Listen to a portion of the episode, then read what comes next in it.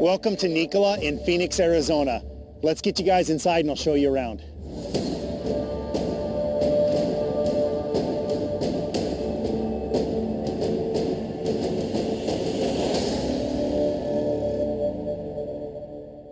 Hey, Mark Russell, Kim Brady. I have some very important guests for you guys today. Clever, exciting day. Hey, welcome. We're so excited that you're here. Got some really cool stuff to show you, but I think uh, Trevor's going to start upstairs. I am. Let's head upstairs, guys. Follow me.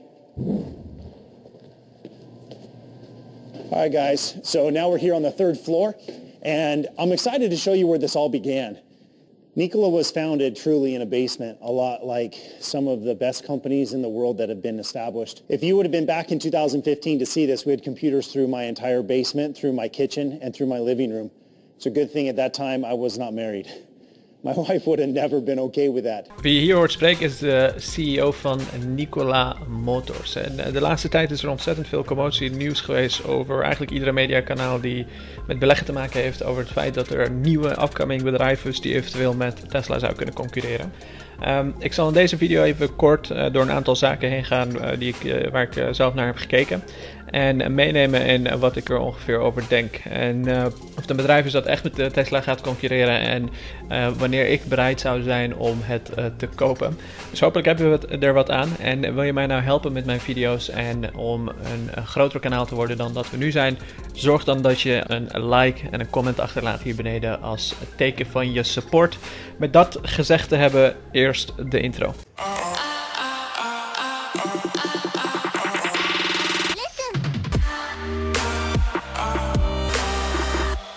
Hydrogen experts, and he's getting us some fuel so we can take a ride here in a minute. So I'll turn you over to Dale. Thank you, Mark. It's a gorgeous day here in Phoenix. What I'm going to show you is uh, Nikola's uh, hydrogen fueling station. And uh, essentially what we have is a thousand kilograms of gaseous hydrogen stored on site. Tijdens deze video, en het is best wel een awkward video, want ik denk dat ze zich niet allemaal heel lekker in de voel, vel voelen om uh, gefilmd uh, te worden. Um, maar de, tijdens deze video voor, proberen ze voornamelijk de technologie en het verschil van, tussen, uh, of in ieder geval tussen hun auto's en eventueel die van de competitors zoals Tesla uit te leggen. En ik zal je vertellen waarom ik in bedrijven investeer. Ik ben wel een grote fanboy van Tesla. Ik wil ook de auto's hebben, de Cybertruck bijvoorbeeld. Maar daarnaast, als ik mijn geld ergens in beleg en aandelen van een bedrijf koop, dan uh, wil ik wel weten dat het, of het me geld oplevert of niet. En dat is wat ik in deze video met je vandaag ga bespreken. Want het is heel mooi om uh, allerlei dingen te gaan vergelijken en heel veel details te gaan, zoals is hydrogen beter dan elektrische wagens? En is de Tesla-auto of semi-truck lichter dan Nikola, noem het maar op. Al dat soort zaken vind ik, als het op beleggen aankomt, onbelangrijk. Dat soort dingen zijn belangrijk wanneer je een auto beslissing, uh, of een beslissing wilt nemen of je een auto gaat kopen of niet gaat kopen. En niet wanneer je een beslissing gaat nemen of je een aandeel gaat kopen of niet gaat kopen. Um, over het algemeen zou je kunnen zeggen, degene die de beste auto heeft, die zal waarschijnlijk winnen. Uh, maar dat is niet altijd zo. En ik zal je uitleggen waar, om even heel simpel te zeggen, een bedrijf bouw je niet in één dag. En zeker niet een autobedrijf wat binnen de maakindustrie zit, wat gewoon ontzettend veel tijd en geldrovend is en een hele infrastructuur moet moeten worden opgezet om uh, de auto ook echt goed te kunnen laten functioneren in de maatschappij. Uh, en daarmee bedoel ik ook zoiets simpels als bijvoorbeeld kunnen tanken en al dat soort zaken. Dus als je kijkt naar Tesla bijvoorbeeld, Tesla is niet gisteren uh, gestart.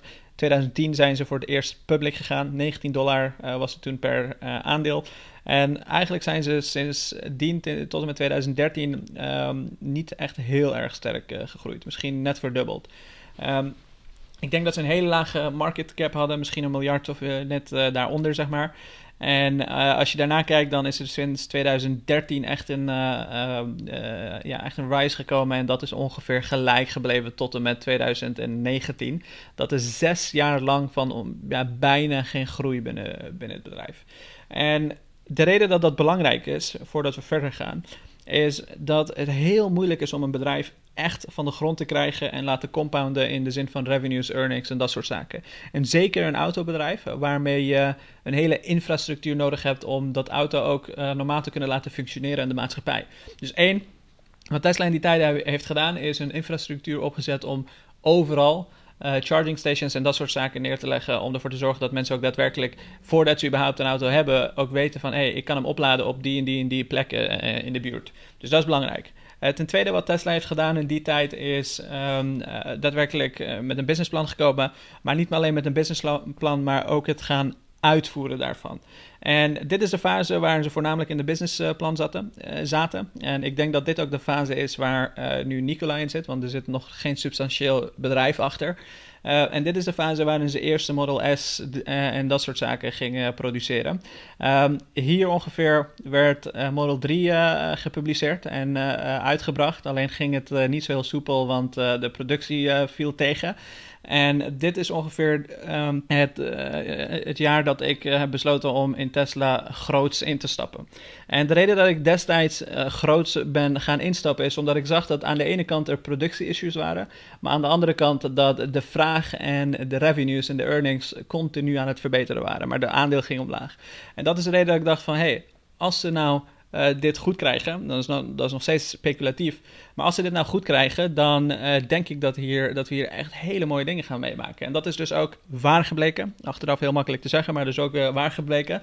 Um, maar Nicola, die zit in een hele andere fase. Want die hebben, in theorie hebben ze een businessplan en ze hebben een aantal dingen die ze willen doen. Maar het, echt het uitvoeren ervan, dat is er nog niet. Want als je kijkt naar Um, laten we even voordat we verder gaan kijken naar wie is degene nou die zo'n bedrijf als Nicola runt. Want uh, als je kijkt naar de CEO, hij heet uh, Trevor uh, Milton. Ik heb hem heel veel gegoogeld en ik heb best wel weinig over hem kunnen vinden, moet, ik zeggen. Op Wikipedia staat er wel een artikel over hem en hier gaat het over zijn vader, moeder en een aantal andere zaken. En, uh, maar het interessante is, Milton is een, een mormon geweest. En na high school went on an 18 months church mission to Brazil, where he became fluent in Portuguese. Maar meer dan dat is er ook niet over hem te vinden. Ik heb zijn LinkedIn profiel opgezocht. Dus hij is nu CEO van Nicola natuurlijk, sinds 2014 tot nu. Dat is ongeveer zes jaar. Maar daarvoor ik zou niet weten wat hij gedaan heeft of waar hij zijn geld vandaan heeft gehaald om een bedrijf als deze te starten en uh, met de ervaring, uh, of uh, de ervaring om zo'n bedrijf succesvol te laten zijn. Dus dat gezegd hebben, ik vind dat al een best wel een grote red flag. Dat je heel weinig over de CEO vindt en dat je misschien ook niet de juiste ervaring en dergelijke heeft. Dit soort dingen moet je eigenlijk voordat je public gaat um, geregeld hebben. Want je wilt natuurlijk dat mensen meteen een goede, goed idee krijgen bij de management. Wie zijn ze nou, wat doen ze en de technologie erachter. Um, ik denk dat ik je weinig over Elon Musk uh, moet uh, vertellen. Voordat hij natuurlijk Tesla begon, uh, heeft hij in PayPal gezeten en meerdere bedrijven gehad die multimiljonair is mee, mee, is geworden. En dat geld gebruikt om uiteindelijk ook Tesla te kopen en er echt iets van te gaan maken. Dus dat gezegd te hebben, dit is al best wel een grote red flag. maar daarnaast, als je kijkt naar de website, je ziet in de Investors Relations uh, pagina, want ze zijn nog niet uh, op de beurs, eh, VTIQ wel, maar daarmee mergen ze dan en dan komt de 10K en dan weten we in ieder geval iets meer over het bedrijf en dan kunnen we ook naar de cijfers en dergelijke gaan kijken in de toekomst. Maar als je kijkt naar wat hier staat, Nikola to use proceeds to accelerate his portfolio of battery um, electric vehicles and hydrogen fuel cell electrical vehicles targeting zero emissions globally. Nou, mooi. Um, Nikola will build out a hydrogen station infrastructure to support its FCEV vehicles. Uh, dit zag je ook net even in het filmpje, maar wat ze proberen te doen is heel simpel. Je op dezelfde manier als dat je een dieselauto um, gaat opladen, dat je, of in ieder geval uh, gaat tanken, uh, dat je dat dus ook nu kan doen met hun vehicles, maar dan met fuel cell technologie. Dat is heel mooi, maar dat gaat wel heel lang duren voordat zoiets natuurlijk gaat gebeuren. Een bedrijf is niet in een dag gebouwd, dit gaat jaren overheen, misschien twee, drie jaar om dit te bouwen. Um, maar dat is er nog niet. Nikola has more than 14,000 pre-orders uh, representing more than 10 billion in potential revenue and two and a half years of uh, production. Uh, heel goed, mooi dat dat uh, er is. Uh, pro forma enterprise value of the merger is approximately 3.3 billion. Um, transaction includes 525 million fully committed common stock pipe at $10 per share, anchored by institutional investors, including Fidelity Management, etc. Nou, heel mooi. Dat zijn hele mooie punten om te benoemen voor je investors, als je ze wil overtuigen om in het bedrijf te investeren. Maar weet wel dat Nicola nog steeds in die speculatieve fase zit en nog niet echt een businessmodel heeft, nog niets echt verkoopt. Uh, alles, is nog, alles, is nog in de toekomst en een belofte dat, uh, je, uh, dat ze dat eventueel zouden kunnen doen. En Nogmaals, Tesla zat precies in dezelfde fase ongeveer negen jaar geleden. En in, dat is ook de fase waar een bedrijf heel erg risicovol is. Want het, is goed uitgepakt bij Tesla. Um, met Elon Musk aan de macht en alle, allerlei dingen die natuurlijk, ook allerlei problemen die ze natuurlijk, natuurlijk in de tussentijd gehad hebben. maar wees je wel bewust dat dat in die fase zit waar het nog echt heel speculatief is. En het kan zijn dat het echt groot wordt en mooie dingen meemaakt en noem het maar op, maar dat moeten we nog allemaal zien. En uh, dat is ook de reden dat ik nog niet hierin ga investeren. Dat is ook de reden dat ik nog afwacht en kijk wanneer ze echt een business uh, uh, model hebben dat, wat geld genereert, wat we kunnen meten, wat we kwartaal na kwartaal kunnen zien van hey, er is, er is in ieder geval groei in earnings, er is in ieder geval groei in de omzet en het geld wat ik erin investeer, dat wordt voor mij door Nicola gecompound. En dat wordt vergroot. En dat is precies de fase waarin Tesla ook uh, zat toen het voor het eerst uh, ging stijgen. En daarna weer uh, een stukje ging stijgen toen Model 3 uitkwam en noem het, noem, het, maar op. Nu zitten, dus, nu zitten ze natuurlijk met Model Y die uit moet komen. eigenlijk is het al, al, uit. In China wordt het al geproduceerd bijvoorbeeld. en nu is het een kwestie van meten en kijken hoe ze dat daadwerkelijk implementeren. En hoe dat effect heeft op de revenues en dergelijke. Dus dat is, dat is echt een bedrijf wat uh, een businessmodel heeft die, waar dat geld verdient en niet alleen een uh, toekomst, uh, belofte in de toekomst. Als je daarna naar beneden gaat, dan zie je hier: The company expects to generate revenue by 2021 and roll out the BEV truck, followed by the FCEV truck sales starting in 2023. Dus 2021 wilden ze daadwerkelijk geld gaan verdienen door uh, de uh, elektrische trucks uh, uit te brengen. Dat is ook de tijd wanneer Tesla de Semi gaat uitbrengen. daarnaast willen ze in 2023, 2023, dus over drie jaar, starten met de sales van de FCEV truck. Dus dat is nog een redelijk flinke tijd om um, te kijken hoe dit zich allemaal ontwikkelt. En vandaar ook dat ik zeg, dit is een uh, zodanig uh, speculatieve fase dat het alle kanten op kan gaan. En dat is ook de reden dat ik nog niet zou investeren hierin. 2021 wordt wel interessant om te kijken hoe dat impact heeft op een revenue. Uh, van al die um, uh, orders die ze zeggen te hebben, omdat ze natuurlijk nog niet op de beurs zijn, weten we ook niet of dat echt klopt. Want we moeten de 10K lezen en kijken wat, uh, wat daarin staat. Um, en uh, kijken even ja, wat die orders dan precies betekenen en dergelijke. Want dat is toch allemaal helemaal onduidelijk. Er is weinig informatie erover te vinden.